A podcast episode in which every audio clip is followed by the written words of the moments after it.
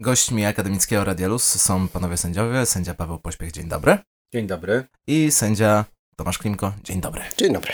Ostatnim razem rozmawialiśmy sobie o takich podstawach, takim bardzo podstawowym know-how, jak to, jak to sobie sędzia jest i jak to tym sędzią zostać.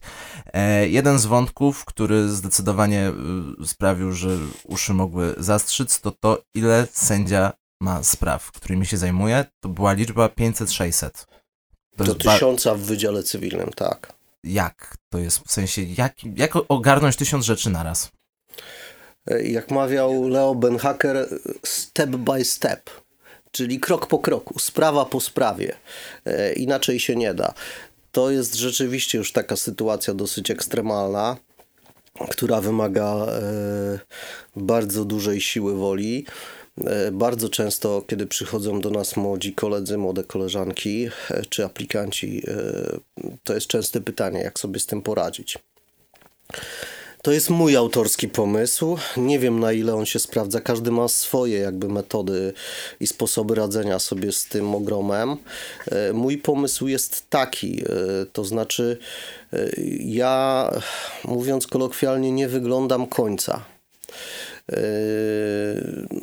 To jest y, taki efekt psychologiczny, który bardzo dobrze znają osoby, które bardzo dużo na przykład chodzą po górach albo biegają maratony, tak? Nie czekam końca skupiam się na kolejnym kroku, jakby kolejnym pagórku, kolejnym jakimś odcinku, który, który chcę przebyć, a ja się skupiam po prostu na tej konkretnej sprawie, którą mam przed sobą, żeby ją zrobić jak najlepiej, wymyśleć, e, jaką czynność wykonać, żeby ona mnie przybliżyła do wydania wyroku, a potem biorę następną, a biorę, potem biorę następną i jakby nie zastanawiam się, kiedy nastąpi taki moment, że będę miał czyste biurko czy czystą szafę, bo taki moment nie nastąpi. Więc... Ale proceduje się też wiele spraw w tym samym czasie, tego samego dnia na przykład zastanawia się pan no nad tak, wieloma sprawami? Tak. To trzeba się tak przełączać po prostu. po prostu to wygląda w ten sposób, to że, jeszcze nie jest najgorsze. że otwieram szafę, y, wyciągam no pierwszą tak sprawę z, z wierzchu, otwieram, czytam, decyduję jaką wykonać czynność, wykonuję ją, piszę zarządzenie czy postanowienie, podpisuję, odkładam, biorę następną, biorę następną. No i tyle, ile tych spraw jestem w stanie w ten sposób przerobić danego dnia. No tyle, w tylu wydaję zarządzenia, postanowienia. I tak to wygląda każdego dnia w zasadzie w kółko. Tu się może wpleść ta Macieju. I tu się właśnie może wkrać ta rutyna, tak, bo jest bardzo wiele spraw. Y, to może powodować bardzo mm, poważne skutki, tak? Złego rozstrzygnięcia w sprawie, skrzywdzenia kogoś. No i może i bardzo często powoduje takie banalne skutki y, w postaci omyłek, jakichś błędów pisarskich, które znowu dokładają pracy, bo trzeba wydawać kolejne orzeczenia prostujące te wcześniejsze pomyłki. Y, problem pojawia się, kiedy, kiedy mamy do czynienia z tak zwanymi y, sytuacjami masowymi, to znaczy mamy na przykład danego dnia do wydania 20 nakazów zapłaty, na przykład tej samej firmy, tak? I w którymś momencie popełnimy błąd w nazwie i może się okazać, że po tygodniu będziemy mieli, nie wiem, 15 nakazów do sprostowania. Y, I te, te kupy akt będą zamiast się zmniejszać, zwiększać się, więc cały czas jak gdyby trzeba zachować tą czujność, cały czas nie można sobie pozwolić na to, żeby myśli gdzieś odpłynęły, tylko trzeba się po prostu koncentrować na tej danej jednej sprawie, którą mam w danej chwili przed sobą, podjąć decyzję, e, no i wziąć następną, tak? Jakby no, innego, innego sposobu na to wydaje mi się nie ma. Yy, najgorsze co jest, najgorsze co może spotkać młodego sędziego, Mm, to jest to, że będzie oczekiwał, że zrobi wszystko, e, bo to prowadzi do takiego, do, do pośpiechu i, i to prowadzi do takiej sytuacji, którą ja nazywam zrób cokolwiek. Zrób cokolwiek, byle tą sprawę oddać do sekretariatu, byle się jej pozbyć z biurka jak najszybciej, bo jest kupa innych, i, a ja chcę wychodząc z pracy mieć czyste biurko. Tak? To jest stan nieosiągalny, e, a żeby go osiągnąć, często pojawia się taka pokusa zrobienia w sprawie czegokolwiek, e, byle szybciej.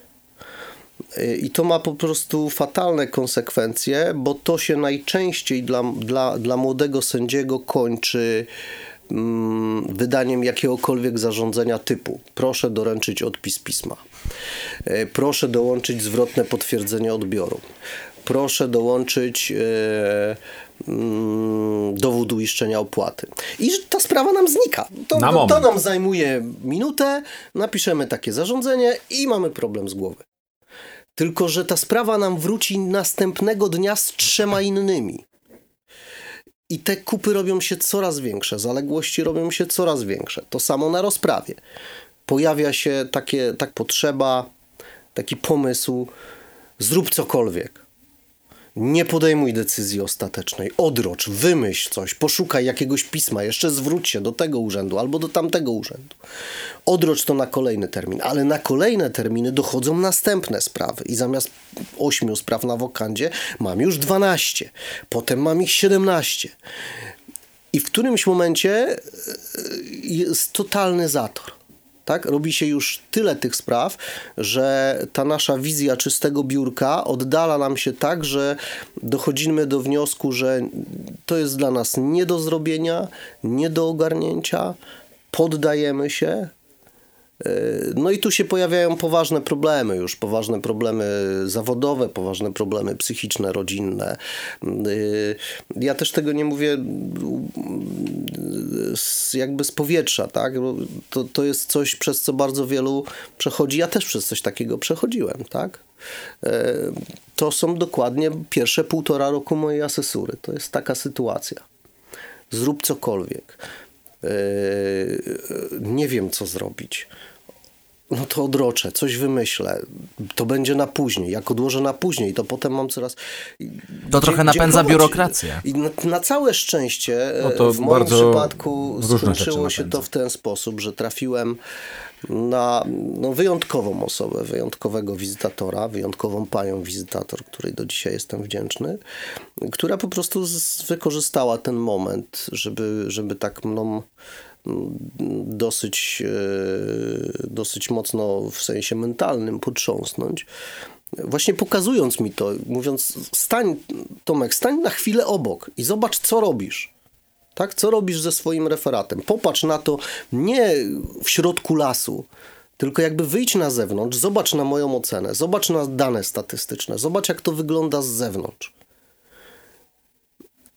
I spróbuj zrobić w ten sposób. Jak już weźmiesz tą sprawę, to nie rób w niej czegokolwiek, tylko myśl o tym, żeby każda decyzja przybliżała cię do wydania wyroku. Tak więc zamiast minuty poświęć na tą sprawę pół godziny. Zrobisz w tym dniu mniej spraw, ale to w efekcie końcowym pozwoli cię, ci skończyć ich więcej niż mniej. No i rzeczywiście tak się, tak się po prostu zaczęło dziać, więc, więc ja teraz przed tym dokładnie przestrzegam każdego, każdego nowego sędziego, każdego młodego sędziego. Przed czyszczeniem biurka. Takim. Przed czyszczeniem biurka, I tak. wychodzeniu z pracy. I tu jest kolejne pytanie. Czy sędzia wychodzi z pracy? Czy w momencie, gdy się przekroczy budynek sądu, sędzia przestaje być sędzią? Czy jednak ta praca zostaje z sobie człowiekiem mogę 24? nawiązać do tego, co Jasne. Tomek powiedział, bo mm, Tomek mówi, mówiłeś z perspektywy sędziego i bardzo dobrze. Ludzie powinni tę perspektywę poznawać, no ale ostatecznie e, skutki tego wszystkiego dotykają ludzi, strony. No właśnie. tak, E, tak, jeżeli sędzia ma. To, ja myślę, że jednak e, większość, e, większość ludzi, większość obywateli nie ma świadomości tego, co oznacza, że sędzia ma w referacie kilkaset spraw. Mówimy o akurat o, o, o, o, sędzim cywiliście. Trochę to inaczej wygląda w wydziale karnym, ale jeżeli sędzia ma 500, 600, 1000 spraw, to powoduje, że y, ludzkie sprawy nie są rozpoznawane w tak zwanym konstytucyjnie ujętym rozsądnym terminie. Y, Jeżeli y, sędzia dzisiaj bierze jakąś sprawę do ręki w referacie, w którym ma kilkaset spraw, no to wyznacza, nie wiem kiedy ty wyznaczasz terminy następne, ale to jest pewnie za 3, 4, 5, 6, 7 miesięcy. Na początek kwietnia. Na tak? początek kwietnia. Proszę mi wierzyć, y, niedawno y, usłyszałem taką informację y, w, Sądzie Okręgowym w Katowicach, nie wiem tylko teraz, czy w Wydziale Cywilnym, czy w Wydziale Gospodarczym, już nie pamiętam, y, apelacja, która wpłynie dzisiaj do tego sądu, będzie rozpoznana za półtora roku, za dwa lata? Takie są terminy. No to Także, jest niestety y- powód tej ilości, tak? A, a jednocześnie tego, że chcemy, żeby te mm, sprawy I to nie były wynika- rozpoznawane porządnie, tak? I ja chcę podkreślić jedną rzecz, to nie wynika ze złej woli sędziów. A w każdym razie y, bardzo rzadko wynika ze złej woli sędziów, może czasem ze złej organizacji pracy. Nie każdy sędzia potrafi to y, dobrze pracę zorganizować, no ale jeżeli się ma taką ilość obowiązków, Znaczy od któregoś momentu ta organizacja Po pracy prostu już- przestaje mieć już przestaje- znaczenie. przestaje tak? mieć to, znaczenie. To już jest... Tak. Myśmy wymyślili... Znaczy taka jest dosyć powszechna opinia wśród kolegów e, z wydziałów cywilnych, że referat, który można ogarnąć jakoś myślowo, metodycznie, e, no to jest referat liczący spraw 200, 250, a powyżej tej liczby Ja jeszcze powiem tak. każda jest już abstrakcyjna, tak? I to już w tym momencie nie ma znaczenia 500, 1000. 1500. Tego no jest po prostu się ogrom. Nie ogarnia, tak? Czy jest różnica więc Ogarnia oczywiście? się pojedyncze sprawy po kolei. Na ogarnięcie wszystkiego i pamiętanie wszystkiego nie ma, nie ma w ogóle szans. a to jest poważny problem przeciążenie sędziego, no bo to rzutuje na, na, na wszystko. Rzutuje na jakość rozpoznania sprawy, y, y, rzetelność rozpoznania sprawy, y, na Szybkość rozpoznania rozpoznania sprawy. sprawy i w ostateczności na to, czy rozstrzygnięcie jest sprawiedliwe, czy nie, czy jest słuszne, czy niesłuszne. No niestety, taka, tak, tak to wygląda. Oczywiście wszyscy dążymy do tego, żeby tak nie było. No ale jeżeli, y, jeżeli sędzia m, dzisiaj bierze tak jak powiedziałem do ręki sprawę i wyznacza ją za kilka miesięcy w najlepszym wypadku, no to co ma powiedzieć strona? Że to, I wcale to się nie, nie musi, y, bo to, że wyznacza na termin rozprawy czy posiedzenia, to wcale nie znaczy, że sprawa się skończy. Strona przychodzi do sądu, i odbywa się rozprawa, jakieś czynności się na tej rozprawie dokonują, po czym trzeba rozprawę odroczyć na kolejne Kolejne 3, 4, trzy, 5 pięć. miesięcy. No tak. Tak, tak A sprawa później się oka- okazuje się, że sprawa mogła być załatwiona na jednym, dwóch, trzech, czterech terminach, tak? Inna, inna jest sytuacja Wydziału Cywilnego, inna sytuacja Wydziałów Karnych, no ale to wynika ze specyfiki spraw, bo mm, całe mnóstwo spraw w Wydziale Cywilnym jednak są na posiedzeniach niejawnych, rozstrzygane, czyli, yy, czyli bez konieczności wyznaczania posiedzeń czy rozpraw z udziałem stron. W Wydziale Karnym jest dokładnie odwrotnie, dlatego gdyby Wydział Karny miał na przykład yy, sędzia w, referacie swoim, sędzia karnista miał, nie wiem, 500, 600, 1000 spraw, no to to by była już katastrofa i upadek zupełny. To nie- niemożliwe byłoby do ogarnięcia. No ale już dla sędziego karnisty 200, 300 spraw w referacie to jest ogrom. To jest ogrom. Oczywiście zależy, jakie to są sprawy, zależy w jakim sądzie, ale mniej więcej, mniej więcej się to wszystko później wyrównuje między sądami. Nie? Inaczej będzie pewnie Wydział Karny funkcjonował, inne sprawy ma trochę nie wiem, Wrocław Fabryczna, czy na przykład właśnie mój sąd rejonowy w Wołowie, ale ostatecznie różnice nie są aż takie istotne. Czyli przy założeniu, że byłby ten model trochę lepszy niż teraz i tych spraw byłoby mniej i każdy sędzia miałby tyle czasu na rozpracowanie całej sprawy, ile uznaje za stosowne, ile siebie powinien włożyć sędzia w każdą sprawę? Ile siebie Ile siebie? na maksimum. Na maksimum, ale wracając do tego pytania, które, które, które padło. Sędzią można przestać być, jak się wraca do domu, czy jednak te sprawy, niektóre sprawy, czy część spraw zostaje w głowie i o ja tym bym się nawet powiedział, że snem? trzeba przestać być przez moment. Nie można non-stop No, o ja tym się nie, myśleć. no dobra, skończę, ale ja się nie zgadzam. To znaczy, ja, ja tak nie potrafię. Ja, są, są e, sprawy, które mnie angażują e, do tego stopnia, że, e, że w nocy się budzę i nie myślę. Natomiast uważam, że dla zdrowia psychicznego, dla niezbędnego dystansu, który ostatecznie jest podstawą też i prawidłowego rozstrzygnięcia, e, musi to nastąpić.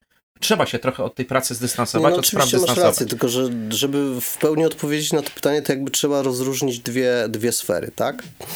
Yy, sędziego jako rodzaj służby no i sędziego, który rozpoznaje sprawę, tak? Służba sędziego się nie kończy, tak? Sędzią się jest. Czy się jest w sądzie, czy się jest w domu, czy się jest na wakacjach, y, czy się jest y, w radio, y, czy gdziekolwiek indziej. Sędzia ma pewne obowiązki wynikające ze swojej służby. Ale nie mówimy obowiązki... o orzecznictwie. Nie, nie mówimy, mówimy o orzecznictwie, tylko mówimy mhm. o innych obowiązkach, które się z, tym, z tą służbą wiążą, tak? Obowiązek bezstronności, obowiązek zachowania godności zawodu, obowiązek zachowania apolityczności, e, obowiązek niewykonywania zajęć, które mógłby jakoś podważać zaufanie do, do danego sędziego, tak? Więc to wszystko z nami e, zostaje na co dzień. To jest jedna rzecz. No i druga rzecz, która się wiąże ze sprawami i tu każdy sędzia, jakby to, o czym mówiłem wcześniej, dotyczy wszystkich sędziów, tak? Wszyscy mamy takie same obowiązki i wszyscy do nich e, podchodzimy tak samo, czy prawie wszyscy. E, podchodzimy do nich tak samo. E, natomiast druga rzecz, no to jest kwestia bycia sędzią orzecznikiem, tak? Czyli rozstrzygającym sprawy i, i, i całym ładunkiem emocjonalnym, jaki się z tym wiąże. No i z tym każdy rodzi, radzi sobie e, w sposób indywidualny. Oczywiście, że tak, że, że trzeba znaleźć jakiś sposób, żeby się odciąć od tych wszystkich emocji, które sprawy wywołują. E ale to nie zawsze jest możliwe. Ja y, mam taki dosyć. No, powiem inaczej, ja w byciu sędzią jestem fundamentalistą takim dosyć, to znaczy ja e, ja e, na 100% uważam, albo wcale. E, że, że tak, że, że, że, że jakby no, daję tej pracy całego, całego siebie. To nie znaczy, że nie robię nic innego tak? Tylko non-stop chodzę i myślę o sprawach. Oczywiście nie, no, mam, mam rodzinę, mam hobby, mam swoje zainteresowania inne, tak? Ale y, nie staram się jakby tak w 100% odciąć, tak? I, I, bardzo często mi się zdarza, bardzo często. Nie wiem, nie jestem psychologiem, więc nie wiem, na ile to jest dobre, na, na, na ile to jest złe. Yy, bardzo często mi się zdarza, czy w czasie, kiedy jestem, no nie wiem, czy na nartach, czy, czy, czy, czy, czy, gdzieś, czy gdzieś na morzu. Yy, ostatnio taką mieliśmy sytuację, że e, tak się zdarzyło, że popłynęliśmy w rejs w towarzystwie sędziów. No i e, zgadnij, co było tematem rozmów przez całe dwa tygodnie, tak? No, tylko sąd i sąd, tak? Więc e, oczywiście no to jest z jednej strony powoduje pewne trudności, ale też się nie staram jakby tak w stu procentach odcinać, bo to jest to, o czym mówiliśmy w poprzednim programie, tak? Znaczy nie możesz wykluczyć nigdy, yy, kiedy ci przyjdzie do głowy coś fajnego, tak? Yy, czasami jest tak, że wpadniesz na pomysł rozwiązania sprawy w najróżniejszych dziwnych sytuacjach, tak? Więc ja się nie zmuszam Y, jakby do tego odcinania się. Oczywiście ważne jest dla zdrowia psychicznego i to wszyscy, którzy nas w tym zakresie, którzy nam w tym zakresie jakoś tam czasem radzą, podkreślają, ważne, żeby mieć ustabilizowane życie rodzinne, ważne jest, żeby mieć jakieś hobby, jakąś odskocznię, ale też nie staram się jakoś na siłę zawsze wtedy od tego, e, od tego odcinać, bo jak mówię, no nigdy nie, nigdy nie jest tak, że nigdy nie wiem, kiedy mi, kiedy mi coś fajnego, e, kiedy mi coś fajnego do głowy, do głowy przyjdzie. Plus, no bywają takie sprawy, i to każdy z nas ma taką sprawę, E, od której odciąć się by bardzo chciało, a się nie da, tak? No są takie sprawy, Czyli się które, rozpamiętuje, czasami nawet już zamknięte sprawy. Które zosta... Tak, tak, tak. Ja wiem, że, znaczy nie wiem, być może są tacy sędziowie, którzy, którzy uważają, że napiszą wyrok, napiszą wyrok, wydadzą wyrok, ogłoszą, napiszą uzasadnienie i sprawa dla nich się kończy. E, natomiast bywają takie sprawy, które zostają na całe życie, jakby i o nich się myśli, do nich się wraca, Ale z czego to wynika? Z jakichś takich wątpliwości, czy się podjęło dobrą decyzję, niejasności, czy, czy, czy po prostu Myślę, ciężaru tak. emocjonalnego? Myślę, że tak, i z jednego, i z drugiego. Czyli sędzia czasami może żałować tego, jaką decyzję podjął, czy raczej. Myślę, że to się może zdarzyć. I co wtedy? Zdarza się. No. Zdarza się, po prostu się zdarza.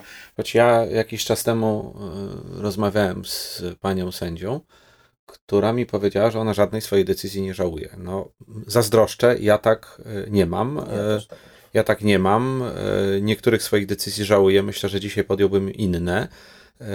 I to nie jest kwestia takiego jakiegoś ewidentnego błędu, tylko po prostu pewnego subiektywnego przekonania, że powinno się było zrobić jednak inaczej. To czasami są niuanse. Wynika to zdecydowanie z charakteru sprawy. Zdecydowanie z charakteru sprawy. No, w Wydziale Karnym takimi sprawami między innymi są chyba najtrudniejszymi tak naprawdę emocjonalnie, ale też i intelektualnie e, sprawy e, związane ze stosowaniem tymczasowego aresztowania. Czyli z takim szybkim, szybką decyzją, bo raptem ma się na nią, sąd ma na nią 24 godziny od złożenia wniosku, podjęciem decyzji co do tego, czy pozbawić kogoś wolności, czy nie. E, I wiele z tych spraw jest, e, są to sprawy, które są na pograniczu, na krawędzi. I trzeba podjąć decyzję. Tak? Ma się okrojony, ograniczony materiał dowodowy najczęściej na tym etapie, no prawie zawsze. E, jest to materiał nie, nie, w pełni zgromadzony przez prokuraturę, później przez sąd, bo to w czasie rozprawy można sobie swobodnie swobodnie prowadzić takie postępowanie, natomiast kiedy przychodzi do decyzji o stosowaniu tymczasowego aresztowania, ten materiał jest bardzo skromny i trzeba podjąć, i to nie można nie podjąć decyzji, nie można jej odroczyć. Ona musi zostać podjęta. Musi zostać podjęta. Nie ma mowy. Jak nie zostanie podjęta, e, znaczy nie ma takiej możliwości, jakieś orzeczenie musi zapaść albo o zastosowaniu aresztu, albo o nieuwzględnieniu wniosku o zastosowanie tymczasowego aresztowania. To też decyzja przecież, nie? Brzemienna w skutki. I to moim zdaniem, z mojego punktu widzenia, y, z mojego doświadczenia zawodowego, jest sprawa chyba emocjonalnie najtrudniejsza, bo wydawanie później nawet bardzo surowych wyroków to już jest co innego. Kiedy sędzia ma dużo czasu na przemyślenie, na zastanowienie się, może, może jeszcze mm, uzupełnić postępowanie dowodowe, wznowić przewód sądowy, jeszcze raz przeprowadzić jakiś dowód, jeszcze raz przesłuchać świadka czy y, oskarżonego, ma dużą przestrzeń swobody tak? i może y, dużo czasu na zastanowienie się. Natomiast w przypadku e, takiego stosowania tymczasowego aresztowania, no już decyzja jest trudna. Klamka zapadła albo w te, albo we w te. To już przy ostatniej rozmowie y, stwierdzili panowie, że emocje odgrywają bardzo dużą rolę w zawodzie sędziego, zwłaszcza empatia. Teraz na ile sędzia może sobie pozwolić na kierowanie się emocjami? Na ile prawo pozostawia taką możliwość? Bo sędzia musi postępować w świetle prawa, co do litery prawa. Na ile tam jest taki moment na jakąś taką zadziałanie emocji. Podjęcie decyzji bardziej emocjonalnej niż analitycznej. Wydaje mi się, że emocje nigdy nie mogą e, przeważyć. To nie, nie ma takiej możliwości, żeby emocje decydowały o orzeczeniu. To, to zawsze analiza ostatecznie, analiza intelektualna yy, stoi, yy, leży u podstaw takiej decyzji. My mówimy raczej tu o emocjach takich, yy, zdradzając, zdradzając no, trochę kuchnię też mhm. pracy sędziego, że tym się kierujemy, tym żyjemy. Chcemy też ludziom pokazać, że, że przecież nie jesteśmy automatami, nie jesteśmy robotami. Czy może nie kierujemy, co po prostu odczuwamy te emocje. Odczuwa, no tak? po prostu. No, Dokładnie tak. Dokładnie tak. Odczuwamy te emocje. To też nie? nie jest tak do końca, jak Paweł mówił, bo czasami emocje, ale nie jakby osobiste emocje, ale yy, kwestia emocji jest wpisana w istotę wyroku przez klauzule generalne, tak? E, no, jeżeli stosuje zasady współżycia społecznego, no to rozstrzygając w jakiś sposób, e, kieruje się Yy, ale tak jak masz, ja rozumiem o co chodzi. tak? Znaczy, Czyli, apeluję do emocji Ale nie osobistymi. Mówię, e, ten wyrok, który na przykład rozstrzyga e, spór na, zasadzie, na zasadach współżycia społecznego, e, polega generalnie na tym, stosując ściśle literę prawa, powinienem orzec A, ale moim zdaniem takie rozstrzygnięcie byłoby niesłuszne, niesprawiedliwe, nieakceptowalne społecznie, dlatego orzekam B. Czyli mówiąc prościej, orzekam tak, bo ludzie, społeczeństwo może się temu sprzeciwić, to będzie lepsze dla społeczeństwa, mimo że tak jest inaczej z prawem? Mniej więcej tak to wygląda. Znaczy, literalne rozumienie prawa wymagałoby wydania rozstrzygnięcia o treści A, ale o rozstrzygnięciu nie decyduje tylko, czy o interpretacji przepisu nie decyduje tylko jego literalny zapis, ale także rozważenie skutków rozstrzygnięcia y, dla całego społeczeństwa i dlatego można ten przepis rozumieć i zastosować w sposób inny. y, i rozstrzygnąć w sposób, w sposób B. To jest ważne, bo wyrok oprócz tego, że musi być zgodny z prawem, musi też realizować jakieś społeczne poczucie sprawiedliwości, musi odpowiadać na pewne społeczne Bez wątpienia. emocje, zapotrzebowania. Yy, więc, więc, więc tego typu emocje się bierze pod uwagę i czasami one są wpisane w istotę wyroku. I to jest jedna rzecz. A druga rzecz, no to są te takie zwykłe ludzkie emocje, które my y, odczuwamy jak każdy w trakcie procedowania nad sprawą. No na salach rozpraw dzieją się czasami przecież rzeczy yy, niesamowite, tak? Bardzo emocjonujące. No są, na sali rozpraw jest wszystko. Jest, jest gniew, jest agresja, są łzy, jest rozpacz. Wszystko, cokolwiek można sobie y, wymyśleć, yy, cokolwiek widzimy w życiu, jest też na sali rozpraw, tak? No, bywają sytuacje niezwykłe, tak w wydziale karnym, gdzie trzeba często postawić naprzeciw siebie ofiarę i sprawcę często bardzo drastycznego przestępstwa. I to są emocje, emocje ofiary, sprawcy, rodziny. Yy, I to na nas nie pozostaje bez wpływu. I w wydziale cywilnym też są, też są emocje, tak? Są zdradzani małżonkowie, porzucane dzieci, yy, skrzywdzeni rodzice. Yy, no, tych, tych, tych, tych sytuacji emocjonalnych jest mnóstwo yy, i to nie jest tak, że można się od nich, można się od nich odciąć zupełnie. I, I to, o czym Paweł wspomniał na początku, że trzeba czasem zapomnieć o tym, że się jest sędzią, to bardziej dotyczy tych właśnie emocji, tych, tych różnych emocji poza merytoryką sprawy. Yy, o nich bardzo często warto, warto zapomnieć, no bo, yy, bo to rzeczywiście może mieć poważny wpływ na, na psychikę i szkodliwy. No nie, nie, nie zawsze się da, tak? To czasami są takie sytuacje drastyczne, o których się, o których się pamięta latami, tak? To, to z czasem jakby blednie, z czasem łagodnieje, ale, no ale zostaje, tak? Gdzieś zawsze zostaje już w człowieku. A co w sytuacji, tu będziemy troszkę znowu obalać mity wzięte z popkultury, z systemu anglosaskiego, co w sytuacji, gdy mamy sprawę i tak jak w systemie anglosaskim na filmach widzimy, że trzeba dowieść, że oskarżony zrobił to, co zrobił. I co wtedy, gdy materiał dowodowy, gdy nie uda się tego dowieść, ale sędzia czuje, no nie no, on jest winny. Nie mamy tego, nie mamy tego na, na dowodach, ale on jest winny, jest takie wewnętrzne poczucie. Co wtedy? Ja w ogóle ubolewam nad tym, że, że ten system anglosaski to się przeniósł tylko w zakresie spraw karnych, a w ogóle nikt, nikt nie mówi o sprawach cywilnych, które wydaje mi się, że są tak samo, mogą być istotne w systemie anglosaskim, jak i, jak i sprawy karne. Nie? To mamy ten właśnie, tak jak pan powiedział, ten przekaz taki popkulturowy yy, poprzez filmy czy książki.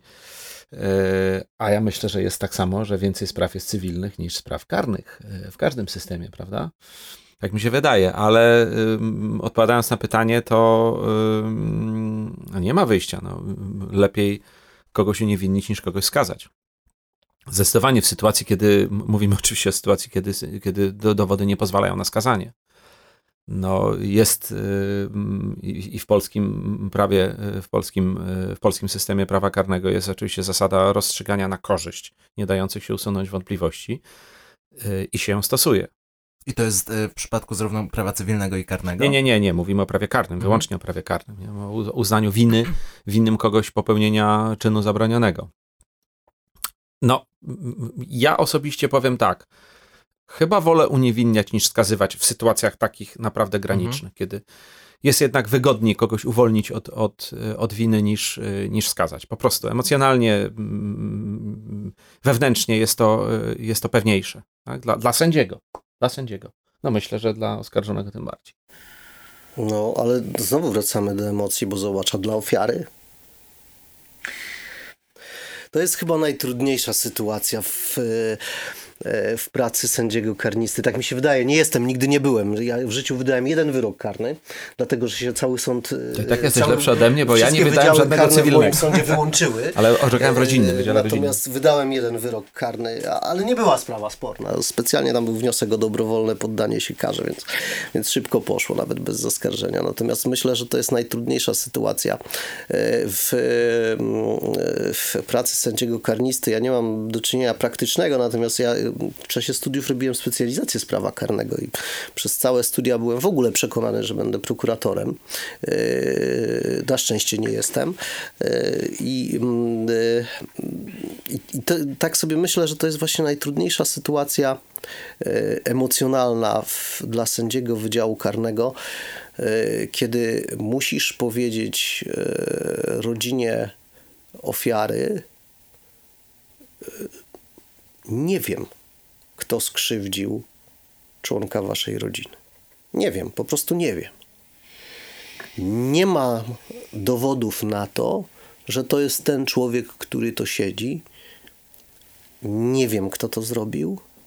I być może nigdy się tego nie dowiemy, i być może nigdy nie poznamy odpowiedzi na to pytanie, a to jest taka bardzo, bardzo ważna ludzka potrzeba, mm, która pozwala jakby zamknąć pewien etap żałoby, tak? Czy, czy, czy, czy, czy, czy, czy jakiejś traumy związanej z krzywdą, żeby, żeby jakoś rozliczyć się ze sprawcą. I, i kiedy, kiedy, kiedy proces tego to nie umożliwia, czy wręcz utrudnia, no to to jest sytuacja niezwykle emocjonalnie, yy, niezwykle emocjonalnie trudna i ciężka. No ale jakby ja zawsze sobie zadaję pytanie yy, i ludziom zadaję to pytanie, kiedy rozmawiamy z nieprawnikami, niesędziami. Co w zamian? Tak? Co w zamian? Czy chcemy mieć, e, czy chcemy mieć sprawiedliwość, to zdaje się za Sienkiewiczem powtórzę, tak? Sprawiedliwość jak smok, który nie patrzy, czy ją krew chłepta? No jakby nie... Pójście w stronę przeciwną wywołałoby e, skutki e, znacznie poważniejsze. Słuchajcie, ja ostatnio przeczytałem jakiejś książce, a to nie była żadna publikacja naukowa, więc nie wiem na ile to są dane e, prawdziwe i aktualne. E, a propos systemu anglosaskiego, który tak ciągle mhm. przywołujesz. E, wiecie, ile, ile osób w Stanach Zjednoczonych podobno odbywa niewinnie karę pozbawienia wolności w więzieniach? Spora to pewnie. Zakładam, że spora. 2%. Bo systemowi wiecie, anglosaskiemu wiecie, daleko poczekaj, do ideału. 2%. No tak. A wiecie, ile to jest w liczbach bezwzględnych? Ponad 20 tysięcy ludzi. Ale ja chcę powiedzieć inną rzecz. Ja uważam, że jest, e, jest jeszcze taki aspekt, e, to są wszystko, to o czym Tomek mówi, to są wszystko sprawy trudne i e, na pewno obciążające sędziego, ale przede wszystkim chcę powiedzieć o tym, że jeżeli jest, jest w prawie karnym, w, w, w, w prawie cywilnym chyba tego nie ma, jest kategoria e, orzekania zgodnie z własnym sumieniem. I to jest rozstrzygające. To powinno być, to, to nie zostało wymyślone po nic. E, w moim przekonaniu zostało to też wymyślone po to, żeby chronić właśnie sędziego przed y, poczuciem, że wydał niesprawiedliwy, niesłuszny wyrok. Jeżeli wyrok, nawet bardzo trudny, w sytuacji nie wiem, wyrok, nie wiem, kto jest sprawcą czynu, tak? Nie wiem, kto popełnił y, ciężką zbrodnię na, na, na, czy poważne przestępstwo na szkodę waszego bliskiego, tak? Nie wiem, kto jest sprawcą. Ten wyrok, czyli na przykład uniewinniający, jeżeli jest poprzedzony głębokim przekonaniem, naprawdę głębokim przekonaniem, że naprawdę nie wiem i naprawdę się nie da ustalić, no to sumienie sędziego jest spokojne. Tak? Pozostaje spokojny. Jest mu trudno podjąć tę decyzję. On okazuje empatię, powinno się okazać empatię. E, powinno się przede wszystkim dobrze, rzetelnie, klarownie stronom pokrzywdzonym wyjaśnić, dlaczego taki, a nie inny wyrok zapadł. Ale sumienie może pozostać spokojne. Pod warunkiem, tym właśnie, o którym powiedziałem, że jest to poprzedzone głębokim namysłem i przekonaniem o słuszności tego wyroku. Gorzej, jeśli e, sędzia wraca do domu i nagle zaczyna sobie uświadamiać, kurczę, a może ja jednak popełniłem błąd, albo nie doczytałem, nie zauważyłem, przeoczyłem coś. To wtedy yy, dotyka sumienia. Nie? dotyka sumienia, dotyka, rodzi się poczucie winy i poczucie, że popełniło się błąd. I... Bronił swojej gałęzi prawa, mój drogi, e, ponieważ nie wiem, czy pamiętasz, popraw mnie, jeśli się mylę, ale kwestia orzekania zgodnie z sumieniem nie dotyczy gałęzi prawa, bo wynika z naszego ślubowania. Chyba tak, no tak, tak. Jest więc nie, niewątpliwie, niewątpliwie. ogólnym. E, I powiem Tylko, że ci dodatkowa klauzula w prawie karnym jest, że... A powiem ci więcej, wcale nieprawda, bo ja mogę orzec 100% bardziej kierując się swoim sumieniem niż ty. Bo ty masz zasadę, która mówi, że lepiej uwolnić stu winnych niż skazać jednego niewinnego. I to drugą, prawda. I drugą, która mówi, że nieważne w co wierzysz, ważne co możesz udowodnić. A ja... To się kłania system anglosaski. Z kolei e, mogę bardziej się kierować tym, w co wierzę, bo zawsze mam dowody w dwie strony. E, więc e, wyrok cywilny jest mniej zero-jedynkowy. E, tych dowodów jest zwykle na tyle, że pozwalają na ich różną ocenę i to kierowanie się własnym przekonaniem, własnym sumieniem jest moim zdaniem znacznie dalej idące niż, niż w, w sprawie kar. Tak słuchając całej tej rozmowy, no, wymieniamy raczej takie cienie niż blaski zawodu sędziego, więc ja bym tak zapytał przekornie, po co to panom było? W sensie, czy pojawia się jakieś takie zawahanie, Boże, co ja uczyniłem z tym, z tym byciem sędzią? Czy może jednak jakaś satysfakcja płynąca z tej pracy wynagradza te wszystkie wyrzuty sumienia, obciążenie psychiczne? My tak o tym mówimy, bo mówienie o złych rzeczach jest bardziej atrakcyjne, bardziej atrakcyjne niż o blaskach zawodu, ale one niewątpliwie są. Nie, nie, satysfakcja intelektualna, takie poczucie, że jednak się yy, dobrze wypełniło swoje obowiązki, wydało się dobre wyroki, yy, jednak naj, no, chyba jednak najczęściej mamy przekonanie, że wydajemy dobre wyroki, a nie, nie tylko tak, obciążające, tak, to... trudne i dramatyczne. Nie? To tak nie jest. Na co dzień jednak tak nie jest. No, tak, jednak w 90% przypadków, czy nawet 99% mhm. towarzyszy nam takie przekonanie, że jednak robimy coś dobrego. E, I to jest ważne. E, czasami nam się zdarzy, że i od stron dostaniemy ten sygnał tak, zwrotny, tak, że tak. jednak zrobiliśmy coś dobrego i to daje ogromną satysfakcję w tej pracy pracy. E, kolejną rzeczą, która daje e, niezwykłą satysfakcję dla mnie, e, to jest to, o czym dużo mówiliśmy w czasie naszych rozmów, no to jest kwestia niezależności. To ma swoje cienie, ale to ma też no, ogromny blask, tak? Sytuacja, w której mm, można podejmować decyzje